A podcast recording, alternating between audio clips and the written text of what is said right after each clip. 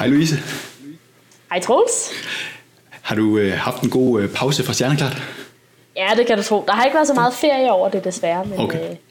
øh, øh, men, men det har været meget rart at lige at lade batterierne op. Lige præcis. Og helt klar til en øh, sæson nummer to. Det kan du tro. Jeg er øh, klar med at, øh, sprede noget astronomisk viden. Det bliver Det, fedt. det lyder godt. Øhm, har du lavet noget øh, spændende siden vi, øh, vi optog sidst? Det er jo efterhånden et par måneder siden. Ja, altså jeg har været, som sædvanligt har jeg været ude og rejse en del siden sidst, men jeg tror, at det, der har været det mest spændende, er, at jeg har været i Frankrig, hvor vi, øh, jeg er med i et samarbejde, der er i gang med at lave et ny spektrograf, der skal sendes til Hawaii. Og jeg var så i Frankrig og besøgte spektrografen og, øh, og være med til at teste, at alting fungerer, som det skal. Og nu, har vi, øh, nu er vi i gang med at sende vores spektrograf afsted til, til Hawaii, så forhåbentlig i det nye år, så kan jeg, kan jeg fortælle lidt om, hvordan det går med, øh, med vores nye instrument. Det lyder spændende. Hvad med dig, Troels? Har du øh, udrettet noget, noget øh, spændende siden sidst? Øh, ja, det har jeg lidt. Det, det ligger godt nok lidt tid øh, tilbage, øh, men øh, jeg har haft en lille oplevelse, som jeg synes var, var lidt sjov, som jeg lige vil, vil fortælle om. Øh, det var den øh, 1. oktober, så ja, og nu er vi jo i start december, så ja, det er et par måneder siden, øh, hvor jeg er ude og, og gå en tur om aftenen, lidt i 9, mm. øh, hvor der sådan hen over himlen, så kommer der øh, sådan en øh, ildkugle, en meteor, Øh, og det, altså, der går lige et øjeblik, for man lige sådan helt for, eller for helt lige finder ud af, hvad det, hvad det er, og altså, det, ser, det ser bare ret vildt ud. Altså, det ser ud som, den er virkelig, virkelig tæt på, som den egentlig kommer ind over Aalborg. Men øh, da jeg så kommer hjem, så er jeg inde på, øh, på den hjemmeside, der hedder stjerneskud.info, og tjekker sådan, om, om man kan se noget om, hvor det, det reelt var henne. Øh, hvor jeg kan se, at der, hvor den, øh, den ligesom er kommet ind, det er faktisk er nede i nærheden af sådan et sted mellem Herning og Silkeborg. Øh, så mm-hmm. det, det, det er altså ret langt væk. Det ser jo så ret vildt ud. Øh, Ja, ej, jeg er og- mega misundelig, Troels. Det, har jeg, det kunne jeg altså godt tænke mig at se dig. Det, øh, jeg håber, jeg skal se en mere en gang. og som en, en lille krølle på, øh, på historien, så prøv at gætte, hvor jeg gik, øh, da jeg så den. Det kræver jo måske, at man har en, en lille smule sådan... Jeg har desværre ikke så, så godt styr på, på Aal- Aalborgs geografi. så det, det, det bliver du nok nødt til at fortælle mig. Det var på Tybrasvej. Ah, fornemt. Det kan ikke blive ret meget bedre. Ej, det må man sige. Ja. Ej, men det, øh, det lyder... Så øhm, hvor, hvor, hvor lang tid... Øh, så, fordi når man ser et stjerneskud, så føler jeg bare, at det er, sådan, altså, det er nærmest et sekund eller et eller andet. Så, hvor lang tid tog det for, for sådan en ildkugle at passere, så at sige? Øh, puh, det synes jeg er svært. Jeg tror, det var sådan et sted mellem en, en 3-4 sekunder max. Altså, det er sådan, fra man lige sådan får øje på det. Først så havde jeg sådan lidt en idé om, at det lidt lignede sådan måden den bevægede sig på, nærmest som en helikopter eller et eller andet med noget, bare sådan konstant lys på. Øh, Ja. sådan for, for, så får man lige sådan registrere, hvad det egentlig er, og sådan til, altså så er den næsten allerede væk igen, så det var ikke mange sekunder. Nej, nej, nej. De kunne godt lige give lidt ad, ja, det, ja, Super fedt. ja. Øh, jamen, øh, jeg har taget lidt, øh, lidt nyheder med, Troels. Som, Det øh, jeg var lige ved at lave sådan en ildkugle øh, overgang, men det, den gik ikke rigtigt, Nej, okay. Øhm, så jeg, jeg, har, jeg har taget en nyhed med, som jeg har valgt at kalde for interstellar rumcigar. Mest fordi det, det er fedt at sige. Men det, der er, er sket for første gang nogensinde, er, at vi har ob, øh, observeret et objekt, som kommer ud, øh, som ikke kommer fra vores eget solsystem, men som så er kommet ind i solsystemet. Så det er det, vi kalder for noget, der er interstellart. Det vil sige, det kommer fra uden for vores eget solsystem. Og det er altså en eller anden form for asteroide, som er formet som en, øh, en lang cigar. og Den er sådan omkring øh, 100-400 meter lang øh, og som så tumler afsted med en hastighed på omkring øh, 26 km i sekundet. Øh, og det er så ud fra øh, for, for dens hastighed, for eksempel, at man har kunne regne sig frem til, at den ikke kommer fra vores eget solsystem, men at den muligvis kommer fra et, et andet stjernesystem, hvor der er så en eller anden asteroide, der er blevet, øh, der er blevet slykket ud, og så øh, nu er på vej øh, ind og, øh, og sige goddag til, øh, til, til os herinde, i, øh, herinde på jorden. øh, og det er en ret fed nyhed, fordi den er blandt andet blevet observeret med det nordiske teleskop, som er i Spanien, så vi har sådan lidt en, en dansk øh, øh, contribution her. Øhm, men det er også ret fedt i forhold til, at øh, som jeg sagde før, at det her det er første gang, vi, vi observerer sådan et slags objekt, der kommer øh, fra et andet øh, stjernesystem end vores egen. Så det er jo interessant at se, om asteroider, der kommer fra andre planetsystemer eller øh, solsystemer, om de er anderledes end, end de asteroider, vi har i vores eget system.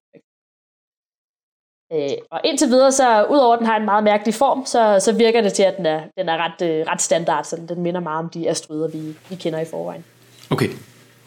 Øh, det lyder, det lyder ret spændende. Øh, hvordan, øh, det her, har, man kunne, har man kunne tage billeder af den, eller hvad, hvad, hvad er det, man har kunne måle på i forhold til den? Øh, så, så man har kunnet tage billeder af den, men den er kun sådan en, sådan en blob på et billede. Den er utrolig lyssvag, øh, fordi de her øh, asteroider, de, de reflekterer ikke så meget lys. Så måden, okay. man har kunne finde ud af øh, dens, øh, dens form på, altså sådan, øh, øh, det hedder ikke geografien, Måden, man har kunne finde øh, formen på asteroiden, er, at man kan se, at øh, lysstyrken af, af den her blok går op og ned hele tiden øh, med, en, med en periode øh, på et par dage, hvis jeg husker rigtigt. Øhm, og det har man så kunne regne sig frem til, at hvis man nu har et eller andet aflangt objekt, som, som tumler afsted, det vil så kunne, øh, kunne vil så vise sig som, øh, som at, øh, at man har en lysstyrke, der varierer, for eksempel. Okay, ja. Så det er ikke sådan, den bevæger sig ikke som sådan, øh, altså som en, en pil, eller hvad skal man sige, et byde igennem, den, den tumler rundt om sig selv, eller hvordan? Lige præcis, så det er ikke, det er ikke sådan et projektil, der er afsted, det er sådan en uh, kartoffel, der, der tumler derud af. Okay. Hvilket passer meget godt med, med de asteroider, vi kender i vores eget solsystem. Vi har, vi har bare aldrig set en asteroide før, der er så aflang, som den her er. Så de regner med, at den er, øh, øh der er en, øh, hvad det, den er cirka 10 gange længere, end den er bred. Øh, okay. Så, så hvis den er 100 meter lang, så er den cirka 10 meter i diameter, hvilket jo er sådan lidt, lidt tosset form. Ja, og der har været mange forskellige bud på, øh, på, på længden af den. Jeg tror, jeg har set alt mellem 100 og 800 meter eller sådan noget den stil. Ja, ja, ja, lige præcis. Ja. Lige præcis. Så jeg tror, man skal forestille sig noget i retning af en kvart kilometer lang pind, der, der tumler afsted med 26 km i sekundet. Så der, der er ja. fart på. ja, der vil man ikke lige komme i vejen. Jo, lige præcis. Øhm, og så fra, øh, fra at gå fra noget, der, øh, der kommer fra det interstellare rum og kommer ind i vores solsystem, så øh, har jeg en nyhed med, der øh, handler om noget, der kommer fra vores solsystem og som er på vej ud i interstellart rum. Og det er selvfølgelig Hvad kan det øh, være? Voyager, vi taler om. Yes. En af vores, vores yndlingsrummissioner her. Ja. Øhm, det er sådan, at øh, Voyager 1, som, øh, som, ja, som sagt er, er en af de hvad det, en ud af to øh, stykker rumfartøj, øh, som er Voyager 1 og Voyager 2, som begge to blev øh, sendt op for omkring øh, 40 år siden. Øh, Øh, når der man har de her øh, rummissioner, som er meget, meget langt væk fra jorden, er det vigtigt, at man, har en, at man kan kommunikere med jorden selvfølgelig, og det gør man ved at sende radiobølger frem og tilbage. Og når man er så langt væk fra jorden, er det virkelig vigtigt, at man kan pege sin parabol meget præcist mod jorden, for hvis du bare peger et, lad os sige, et par centimeter lidt til siden, over så lange afstande, så kommer man til at pege forbi jorden med, med flere tusind kilometer. Så derfor så øh, laver man en manøvre med, med Voyager 8 en gang imellem, hvor man lige retter ind, sådan så at øh, parabolen den peger den rigtige retning. Og det plejer man at gøre med det, der hedder Attitude Control Thrusters, som er altså nogle små motorer, som, som bare giver et lille bitte skub. Altså vi taler kun om et par, par millimeter eller centimeter for eksempel, at man gerne vil rette sig ind. Øh, men fordi at Voyager 1 som sagt er omkring 40 år gammel, så er de her øh, motorer ved at blive lidt gamle, så man har lige lavet en ny øh, manøvre, hvor man bruger øh, raketmotorerne til at rette ind med. De her raketmotorer, de er, altså, de er designet til at, øh, at, at flytte hele rumkraftet, øh, rumfartøjet sådan omkring, for eksempel når der man skal slynge sig omkring en planet. Øh, og så de har altså brugt den her raketmotor for første gang i 37 år. Øh, og det gik godt, heldigvis er alting øh, gået som planlagt. Øh, og NASA har nu øh, hvad det, offentliggjort, at de har tænkt sig at prøve at bruge den her slags manøvre øh, fremover for at, øh, at kunne blive ved med at bruge missionen indtil 2025, hvor man regner med, man så desværre ikke har nok, øh, har nok øh, øh, øh, hvad det, brændstof med til at, øh, at bruge de her øh, raketmotorer mere. Ja, det er altså kram, man lavede dengang. Lige præcis. Altså for, for, for det første synes jeg, det er ret vildt, at man ja, har, har kunne bruge, altså tænk, for at forestille dig at have en bil, man ikke har brugt i 37 år, og så går man lige ud og øh, ser, om motoren den stadig kører. Og sådan, ja. Øh, men udover det, så er, øh, er Voyager 1 også så langt væk fra jorden, at det tog år, næsten 20 timer for, for kommandoen, fra man sender den fra jorden, til den rent faktisk kommer frem til rumfartøjet. Det man, så, man tænder for, for motoren og slukker for den igen. Det er et meget lille, lille afbrænding, man egentlig sætter i gang. Og så sender fartøjet så en besked tilbage til jorden om, at om alting er gået, som det, som det skulle, og det tager så også 20 timer oven på det, så det ja. har været øh, nogle, øh, nogle interessante døgn ved NASA, der de har siddet og bidt negle, om det nu havde virket, tror jeg. Ja, det er fantastisk. Det er virkelig godt gået. Det er, det er imponerende, at man med, med så, øh, ja, så gammelt øh, grej stadig kan lave sådan nogle manøvrer, synes jeg. Lige præcis, lige præcis. Ja. Så jeg, jeg er sikker på, at det, ikke er, det, det er nok ikke det sidste, vi har hørt fra Voyager endnu. Nej, det skal vi nok følge med i. har, du, øh, har du flere nyheder med? Nej, det var det, var det for nyhedsfronten. To gode nyheder. Det var super. Øhm, og jeg skal måske lige sige, at øh, der er jo sket en masse øh, ting, mens at, øh, vi ikke har, har optaget.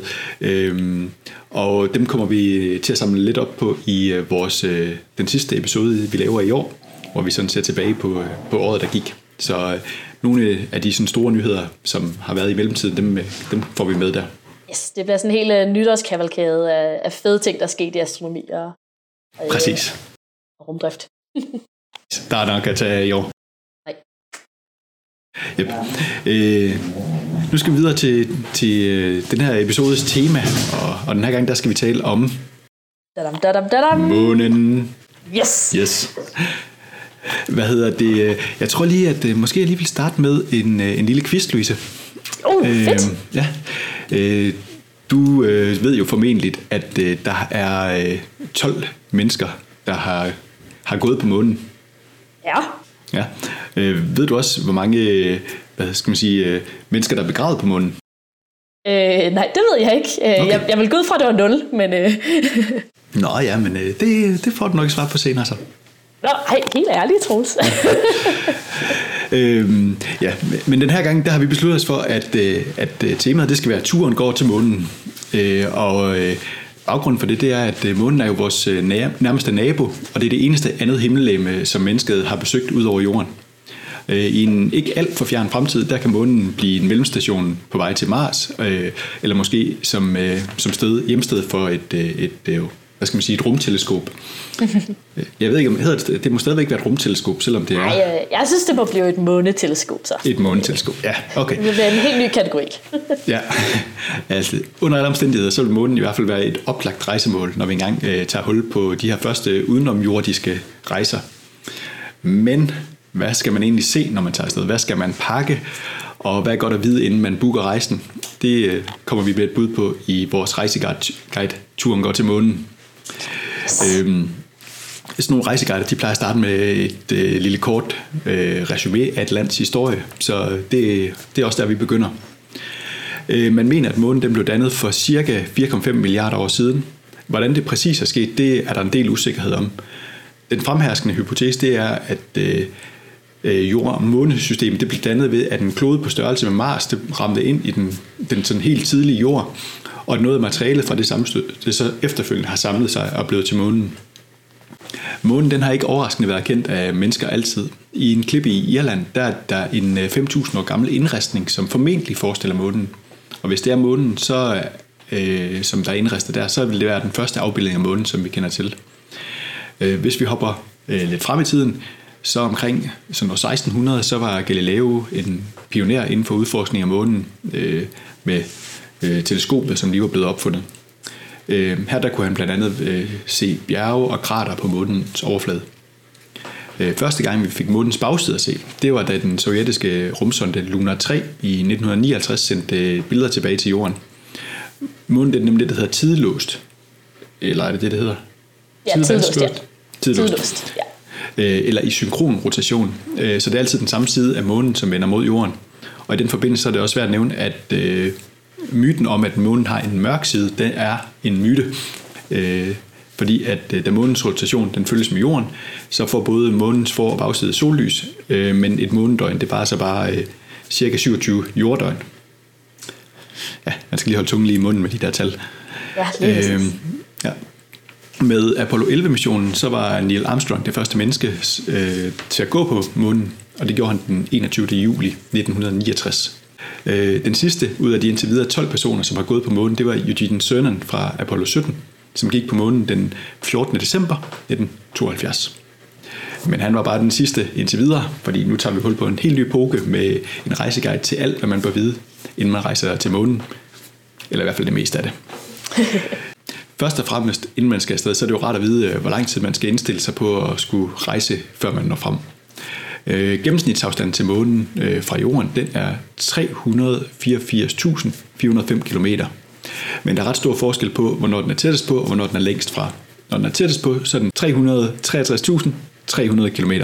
og når den er længst fra, så er den 405.000 405.500 km fra jorden. det vil sige, at der er en forskel på 42.200 km. Øh, og, og det er faktisk mere end en, en tur rundt omkring jorden. Øh, og så hvis man skal have noget at sammenligne med, så kredser den internationale rumstation i en højde af cirka 400 km. Så der er altså der er ret stor forskel.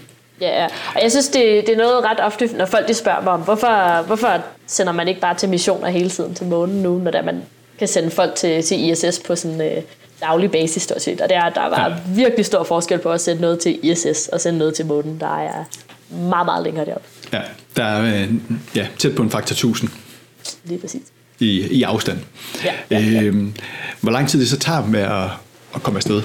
Øh, det er altså Apollo 11-missionen, den tog øh, 102 timer og 45 minutter fra opsendelsen til de landede på månen. Det vil sige over fire dage. Øh, man kan godt gøre det hurtigere. Hvis man tager øh, NASA's New Horizon-mission til Pluto, øh, til Pluto så passerer det månen efter kun øh, 8 timer og 35 minutter.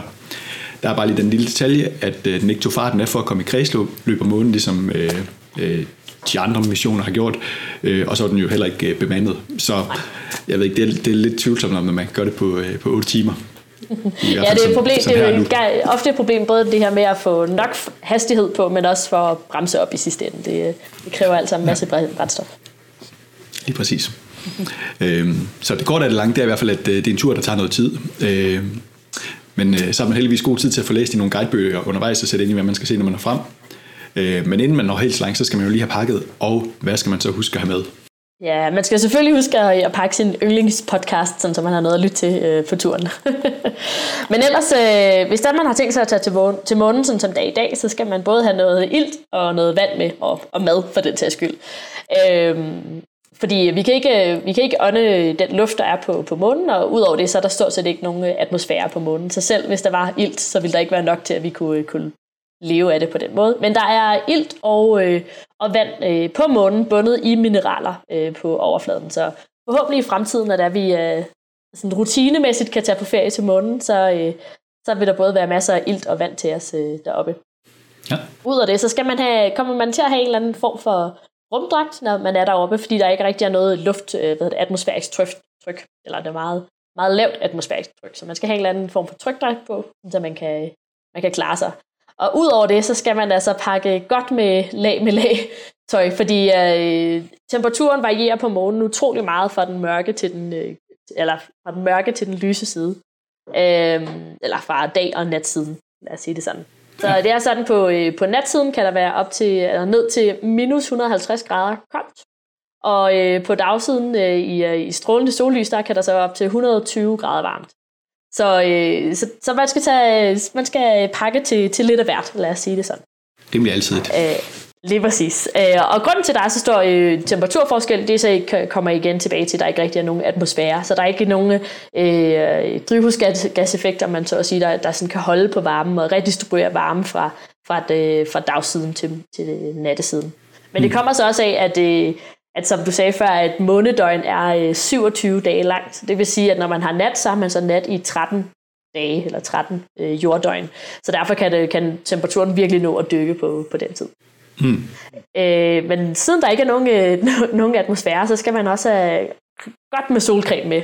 Om der, er, der er ingen øh, beskyttelse mod stråling eller noget som helst. Og øh, jeg ved, en af de ting, som, øh, som øh, ESA øh, arbejder på, så det er jo øh, europæiske rumagentur, som har planer om at lave en månebase, der vil vi prøve at, øh, at bruge noget af alt det vand, som vi udvinder på månen, og bruge det til sådan at, øh, lad os sige, at man laver sådan en, øh, sådan en gennemsigtig kuppel, som så har, har et lag vand, øh, sådan en, en vandmembran inde i sig, som så er rigtig god til at, øh, at holde skadelige stråler væk, fordi vand er god til at blokere i røntgen for eksempel, og UV-stråling. Mm. Øh, så det er noget, man tænker ret meget over, når man øh, tænker over, hvordan, hvordan vil det være at leve på månen, og hvordan vil det være, være på månen i længere tid ad gang. Ja. Øh, så øh, en af de ting, som jeg synes er ret sjovt, når man ser de her videoer af, af de amerikanske astronauter på, på månen, det er det her med, at de, de hopper rundt. Og det er faktisk sådan, at, det, øh, at de, de amerikanske astronauter havde sådan nogle blysko på, eller virkelig tunge sko på, sådan for at man bare kunne bevæge sig en lille smule normalt på overfladen. For, øh, for fordi månen er øh, meget mindre end jorden, så er der kun en sjettedel af tyngdekraften deroppe. Så det er godt at øh, have sådan nogle gode øh, bly, øh, blybefængte øh, buffalo-sko på, eller et eller andet, yes. og holde sig, øh, holde sig, øh, holde sig jordet. Altså grounded.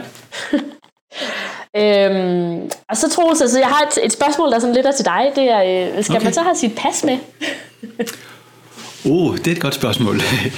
Jeg ved, at øh, månen er inkluderet i øh, traktaten om det ydre rum, øh, som juridisk sidestiller månen med sådan noget, der minder om international farvand. Altså, nu er jeg jo, der er mange ting, jeg er, jeg er hverken astronom eller jurist eller sådan noget, så det er sådan lidt min fortolkning af men, men det minder om international farvand.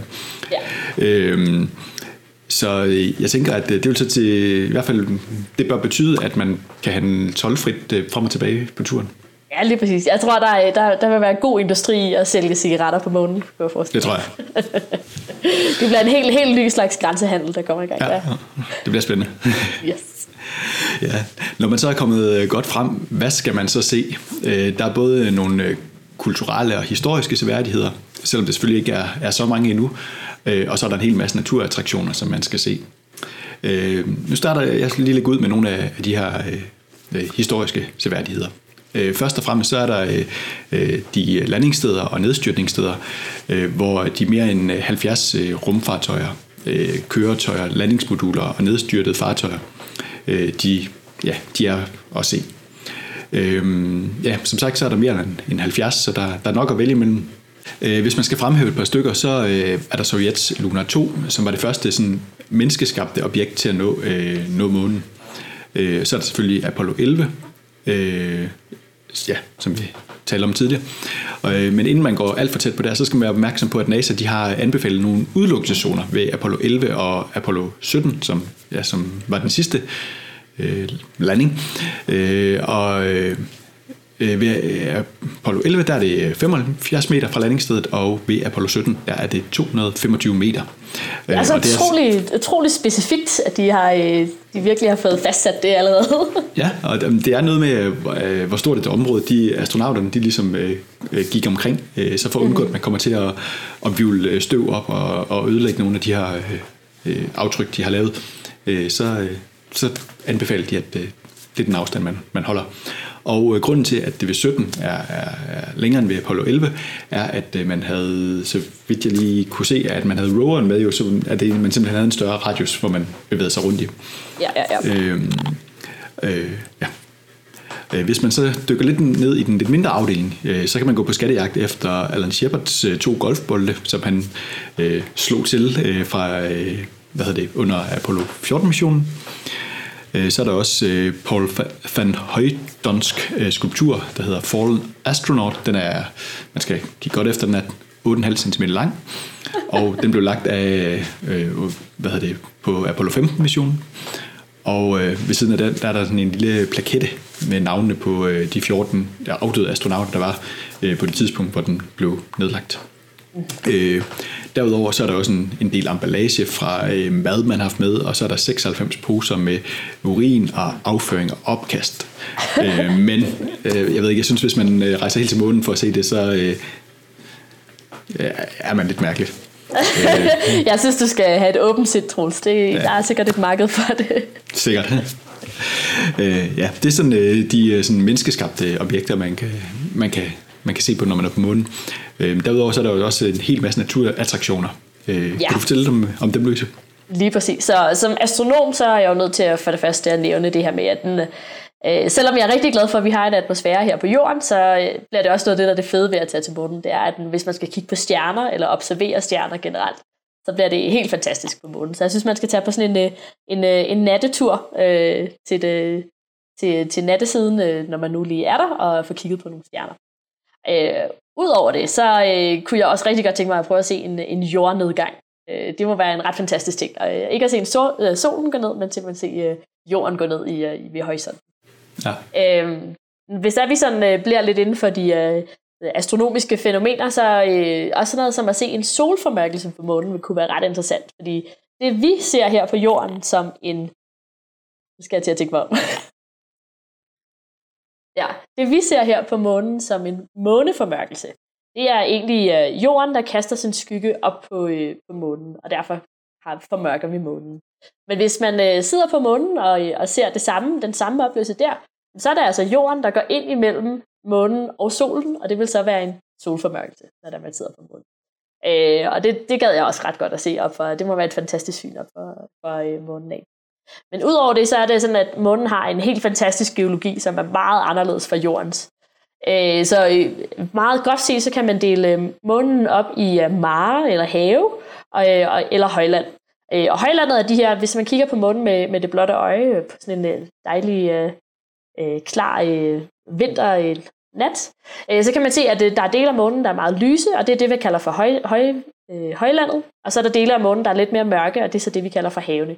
Og havene er mørke, fordi de er lavet af sådan en eller anden form for øh, basalt lava øh, plan. Øh, så jeg ved ikke, hvis der man nogensinde har set sådan en, øh, et lavahav på, på jorden, så er det sådan øh, cirka sådan, vi forestiller, cirka sådan, det også vil se ud på, på månen. Øh, og så er højlande, de er så steder, der, der, der ikke er, hvor der ikke er væltet lava ud af, af jorden for nylig, øh, og det er derfor sådan en lidt øh, en ældre øh, overflade, man ser det, derfor er den så også lyser.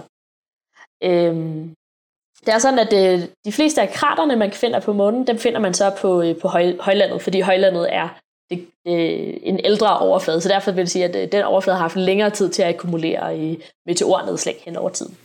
Ja. Ja, det er sådan, at man kan tage til Sydpolen på den fjerne side af månen, og, øh, og se uh, månens største meteorkrater, som altså er 2.500 km i diameter. Okay, det er stort. Det synes jeg, uh, ja, det, det er, jeg tror, det er sådan, det er så stort, at hvis, uh, altså man, man kan ikke se det hele, når man står på kanten, fordi at, at, at månen det vil bare runde af, før man, man kan se hele, hele krateret. Så. Øhm, men ud af det er der en masse fantastiske meteorkrater, man kan se på månen, og de er, de er så bevaret meget bedre, end de er her på jorden, netop fordi der ikke er nogen atmosfære, der er ikke nogen vind til at komme og erodere øh, mm. kraterne hen over tid. Så man kan se de her meteorkrater stort set, som de ser ud, lige, lige der, der har været et stort øh, nedslag engang. Ja, okay. Øh, er det, så må der også være, der må være større chance også for at finde, øh, altså i og med, at der er ikke nogen atmosfære, må der være større chance for at finde, øh, hvad hedder det, meteorer, øh, eller meteoritter, der, der ligesom klarer den hele ja, vejen. Ja, lige præcis. Øhm, men det er også ret sjovt, fordi jeg tror, jeg ved ikke, hvad der vil være, selvfølgelig når der er vi, når en gang jeg tager til månen bliver sådan standard øh, øh, to ugers ferie, så er det ikke så spændende at finde månesten. Men det er jo sådan, at hvis man kan finde en månesten her på jorden i dag, mm. så, øh, så, så er man mange millionær fra, fra dag i dag. Øh, ja. Men jo, jeg har faktisk aldrig overvejet, at, øh, at månen kunne være et godt sted at lede efter meteoritter. Så problemet vil nok være at se forskellen på en meteorit og, øh, og, og en månesten. Ja, det er god pointe. Så, øh, men udover øh, sådan, øh, de øh, naturattraktioner, der er, og, og de historiske seværdigheder, man jo skal rundt og se, så er der også lidt aktiviteter, man kan, man kan give uh. sig i kast med. Ja. Så øh, jeg forudser, at, øh, at månen får et, øh, et, et, et et livligt natteliv, når der er, man nu har de her øh, 13 dages mørke af gangen. Øh, ja. Det, det tænker jeg, at man skal over og tjekke ud og, øh, og danse, danse, danse dagen væk, eller dagen væk. Det, er, det, der, det bliver for de mest øh, hardcore øh, ved det, club, club kids, der kan Ja, det må man sige.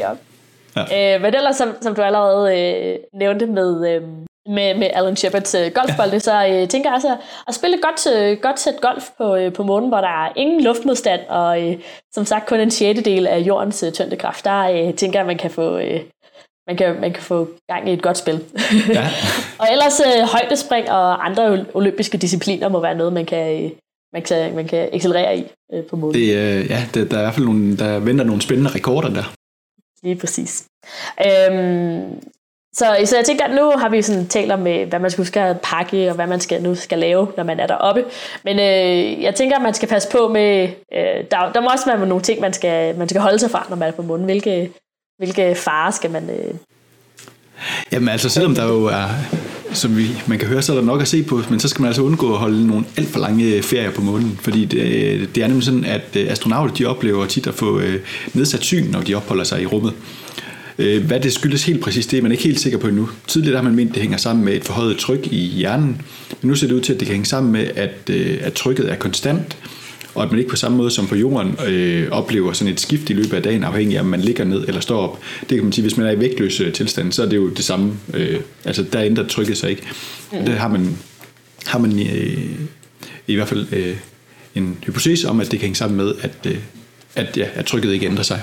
Mm. Øh, det, er, det er ikke alle astronauter, så vidt jeg har kunne, kunne finde ud af, at der oplever, at, at, at deres øh, syn bliver nedsat, men, øh, men risikoen er der i hvert fald. Så mm. øh, desværre, selvom at, øh, der er nok at se, så kan man altså ikke øh, blive der i, i alt for lang tid. Okay, jamen det er, alt, alt godt må også have en ende. ja, udover som du fortalte om med, i forhold til stråling og sådan nogle ting, der også godt kan give lidt problemer. Ja, ja, lige præcis. Ja. Man skal huske at have en god rumdragt med i hvert fald. Ja. Lige præcis. Jamen til sidst så er der jo nærmest bare øh, at, at sige, hvornår kan man komme afsted. Øh, og øh, ifølge SpaceX, øh, så har de jo i februar i år fortalt, at øh, de har modtaget et betydeligt beløb fra to personer, der skal ud på sådan et moonloop flight, øh, som jo så ikke inkluderer en, øh, en landing på månen, men en, en tur rundt omkring månen. Og det, øh, det er heller ikke helt skidt. Øh, og øh, det har de sådan sat i udsigt, at det formentlig kommer til at ske, øh, eller måske kommer til at ske allerede i slutningen af 2018. Øh, men øh, ja, hvor meget af det der sådan er PR, hvor meget der er rigtigt, det er jo så øh, spændende at se. Vi, øh, ja, men jeg synes, det er fantastisk at tænke på, at øh, rumturisme er, er klart noget, der, der vil være, være, være muligt for, for, lad os sige sådan, den mere affluente del af, af, af jordens befolkning inden for de næste 20 år. Ja, det, øh, det bliver spændende 2018 i hvert fald, hvis det, øh, hvis det, hvis det kommer til at gå i opfyldelse. Ja, lige præcis. Kunne du, øh, kunne du finde på at være, være rumturist, Troels, hvis, du, hvis det en dag blev, blev til at kunne betale for sådan uh, almindelige mennesker som os? Det kunne være spændende. Det ville være vildt spændende. Øhm, øh, ja, det, så det kunne, det kunne jeg godt. Hvad med dig? Louise? Jamen, jeg, jeg tror, jeg skal, jeg skal helt klart i rummet sådan i min levetid, men det gør, at det ikke bliver sådan lige de næste... Det bliver nok om mange år, men øh, jeg tror, jeg i hvert fald bare have sådan en parabolic flight, hvor man lige hopper ud af jordens atmosfære og prøver lidt øh, øh, øh tyngde vægtløshed, hedder det, ja. øh, og så tilbage igen. Det kunne jeg godt tænke mig på. Ja, det er godt sted at starte. Jeg har det også jeg har det fint med, at nogen lige får lov at prøve det af, inden, øh, inden jeg skal gøre det. Sådan, ja, det, det, sådan, det er okay. det bliver lidt mere sådan... Øh, øh, en almindelig ting at gøre. Altså sådan, at øh, de værste øh, hvad hedder det, børnesygdomme fra, fra de forskellige øh, muligheder, de er, de er væk. Ja, og jeg kan sige, hvis det, vi har nogle lyttere, der sidder og sådan, har lidt øh, noget blod for tanden i forhold til, til rumturisme, så øh, kan jeg anbefale, jeg har ikke prøvet det selv desværre, men øh, jeg kender folk, der har øh, købt sig en parabolic flight på øh, jorden, så det er altså, hvor man flyver op i sådan en almindelig øh, Boeing 7 37 eller sådan noget. Øh, og så øh, flyver man øh, langsomt op, øh, kravler man op igennem atmosfæren, og så flyver man mere eller mindre øh, øh, stik direkte ned, mere eller mindre. Mm. Øh, sådan så man, øh, man, man øh, flyver ned lige så hurtigt, som man ville falde normalt, og det føles så som, øh, som at være i vægtløs tilstand, eller i, i frit fald, så at sige. Ja. Øh, og man får, jeg tror det er 22 sekunder i gangen, og så kan man så få op til øh, flere ture øh, i, på en dag, eller på en, øh, i et go, kan man sige. Øh, og jeg tror, at nu er det nede at koste omkring øh, 5.000 danske kroner eller sådan noget. Oh, så hvis man, hvis man har, har lyst til sådan en lidt anden øh, type, type oplevelse, så, så vil jeg da anbefale det. Jeg ved, de flyver afsted fra Tyskland af i øjeblikket. Okay. Nå, det, det frister. Ja, men jeg tror, at det, det er sådan noget, jeg skal have mig i 30 års fødselsdagsgave. er det ikke noget med, at man, øh, man, får, øh, man, man starter ligesom med en tur, og så får man, får man flere ture, øh, x antal ture, eller indtil man kaster op første gang? Øh, jeg kender nogen, der er kastet op på, altså på en af de allerførste ture. Og så sidder man bare øh, og kommer sig lidt. Øh, okay. Og så, så, kan man, så kan man hoppe afsted igen. Okay, okay. Så man er ikke helt udelukket, fordi at... Nej, nej, nej, lige præcis. Nej, okay. præcis. Og jeg tror faktisk, så vidt jeg ved, så er det meget normalt, at man lige bliver lidt syg undervejs. Okay, ja. Det, det skal man lige også lige kunne holde sig til. Men det var yes. lidt uh, julegave-inspiration, hvis der er ja. nogen, der sidder derude og ikke ved, hvad de skal give deres mor og far. Ja, hvis der sidder en sponsor derude, der lige vil, skal have det testet eller et eller andet, så kan de også, ja, ja. Øh, de, de også bare skrive. Vi skal, vi skal nok anbefale det en gang mere, hvis Ja, helt sikkert. yes. Nå, men øh, indtil vi, mens vi venter på, at øh, sponsorerne ringer, Louise, øh, hvad skal man så gå ud og, og kigge op øh, på den næste øh, tre ugers tid? Jamen, øh, man skal jo ud og kigge på månen. Selvfølgelig. så det er jo øh, en af de allernemmeste ting at, øh, at observere. Og her i, øh, i december måned og frem, der kommer månen til at være aftagende. Så vi har fuldmåne den 3. december. øhm, og ja, så, så det man skal prøve at, øh, at tænke på, når man kigger på månen nu, og især hvis man kan finde sig en, en god kikkert, eller en kikkert på, både en håndholdt kikkert, men også hvis man har en kikkert på, øh, på et stativ, øh, kan man se virkelig fine øh, detaljer og struktur på månen. Hvis man kigger på månen omkring øh, halvmåne, så det vil så være i midten af december. Øh, det er der, hvor man kan se øh, kraterne aller tydeligst, fordi der, der kaster de de længste skygger. Men jeg vil, vil opfordre alle til at prøve at kigge på månen, og så tænke over det her, jeg sagde med, med højland og, og med havene, der er, så se forskellen på de lyse og de mørke områder. Øh, og så kigge efter det krater, der hedder Tycho-krateret, som er et af de største, man kan se på øh, den synlige side af månen, som jo så er opkaldt efter vores egen Tycho Brahe. Ja. Øh, og det er sådan et øh, stort, fint krater, der er sådan lidt nede i bunden af, af, af det, det største højland, man ser på månen. Øhm, og jeg har altid sådan lidt synes, at det, synes, at det synes som om, at der er sådan, man kan, jeg synes næsten, man kan se eksplosionen ske på månens overflade, for man kan sådan se sådan stregerne, der, øh, der, sådan, der bevæger sig væk fra krateret, så det har været sådan meget øh, energifuld øh, impact ja, engang. Det der har været kraft på. Lige præcis. Ja. Hvad hedder det? Lige en detalje i forhold til med at, med at kigge på månen. Jeg, jeg synes, jeg hørte også, at, at det netop her i vinterhalvåret skulle være, være ekstra godt at kigge på månen, øh, fordi at den står højere på himlen i forhold til om sommeren. Mm. Ja, det, ja, det giver bare god mening. Altså jeg ved, jeg må indrømme, månen den er så, så, så lysstærk, at den er, den er god at kigge på, næsten ligegyldigt på, hvornår på årstid. Men det er sandt, når, ja. om vinteren, så, så har, har man lidt mere lige oppe for. Vi kan ja. sige, vi ikke har sådan, øh, hvis man gerne vil, hvis man er sådan lidt mere øh, entusiastisk end, altså hvis man virkelig gerne vil tage billeder for eksempel, sådan, så har man mindre atmosfærisk øh, turbulens om vinteren. Mm. På den nordlige halvkugle selvfølgelig. Ja. Jeg sidder i Chile i øjeblikket, der er månen meget lavt på himlen i det sted. Ja, ja. øhm, så ud over månen kan man se... Øh, oh, var, du, var du klar, Troels? Eller havde du... Ja, ja. Det var... Ja. Øhm, så ud over månen kan man også se både øh, Mars og Jupiter på himlen her i december måned. Og det kan man se omkring øh, 1-2 timer før solopgang, så det man skal kigge mod sydøst. Øhm, øh, og, det bliver en, rigtig fint øh, hvad hedder det, øh, udsyn, man har her hen over, øh, hen over december måned, når man er på vej på arbejde. Øh, igen, altså, jeg skal skynde mig, det gør, at vi synes, det er lidt træls i Danmark, at, øh, at, øh, at vinteren er så, er så mørk, men øh, så må man sørge for at komme ud og kigge på nogle øh, planeter og nogle stjerner, og virkelig udnytte, at vi har nogle lange nætter. Lige præcis. Øh, så udover månen og planeterne, så er december rigtig god til at kigge på meteorsværme.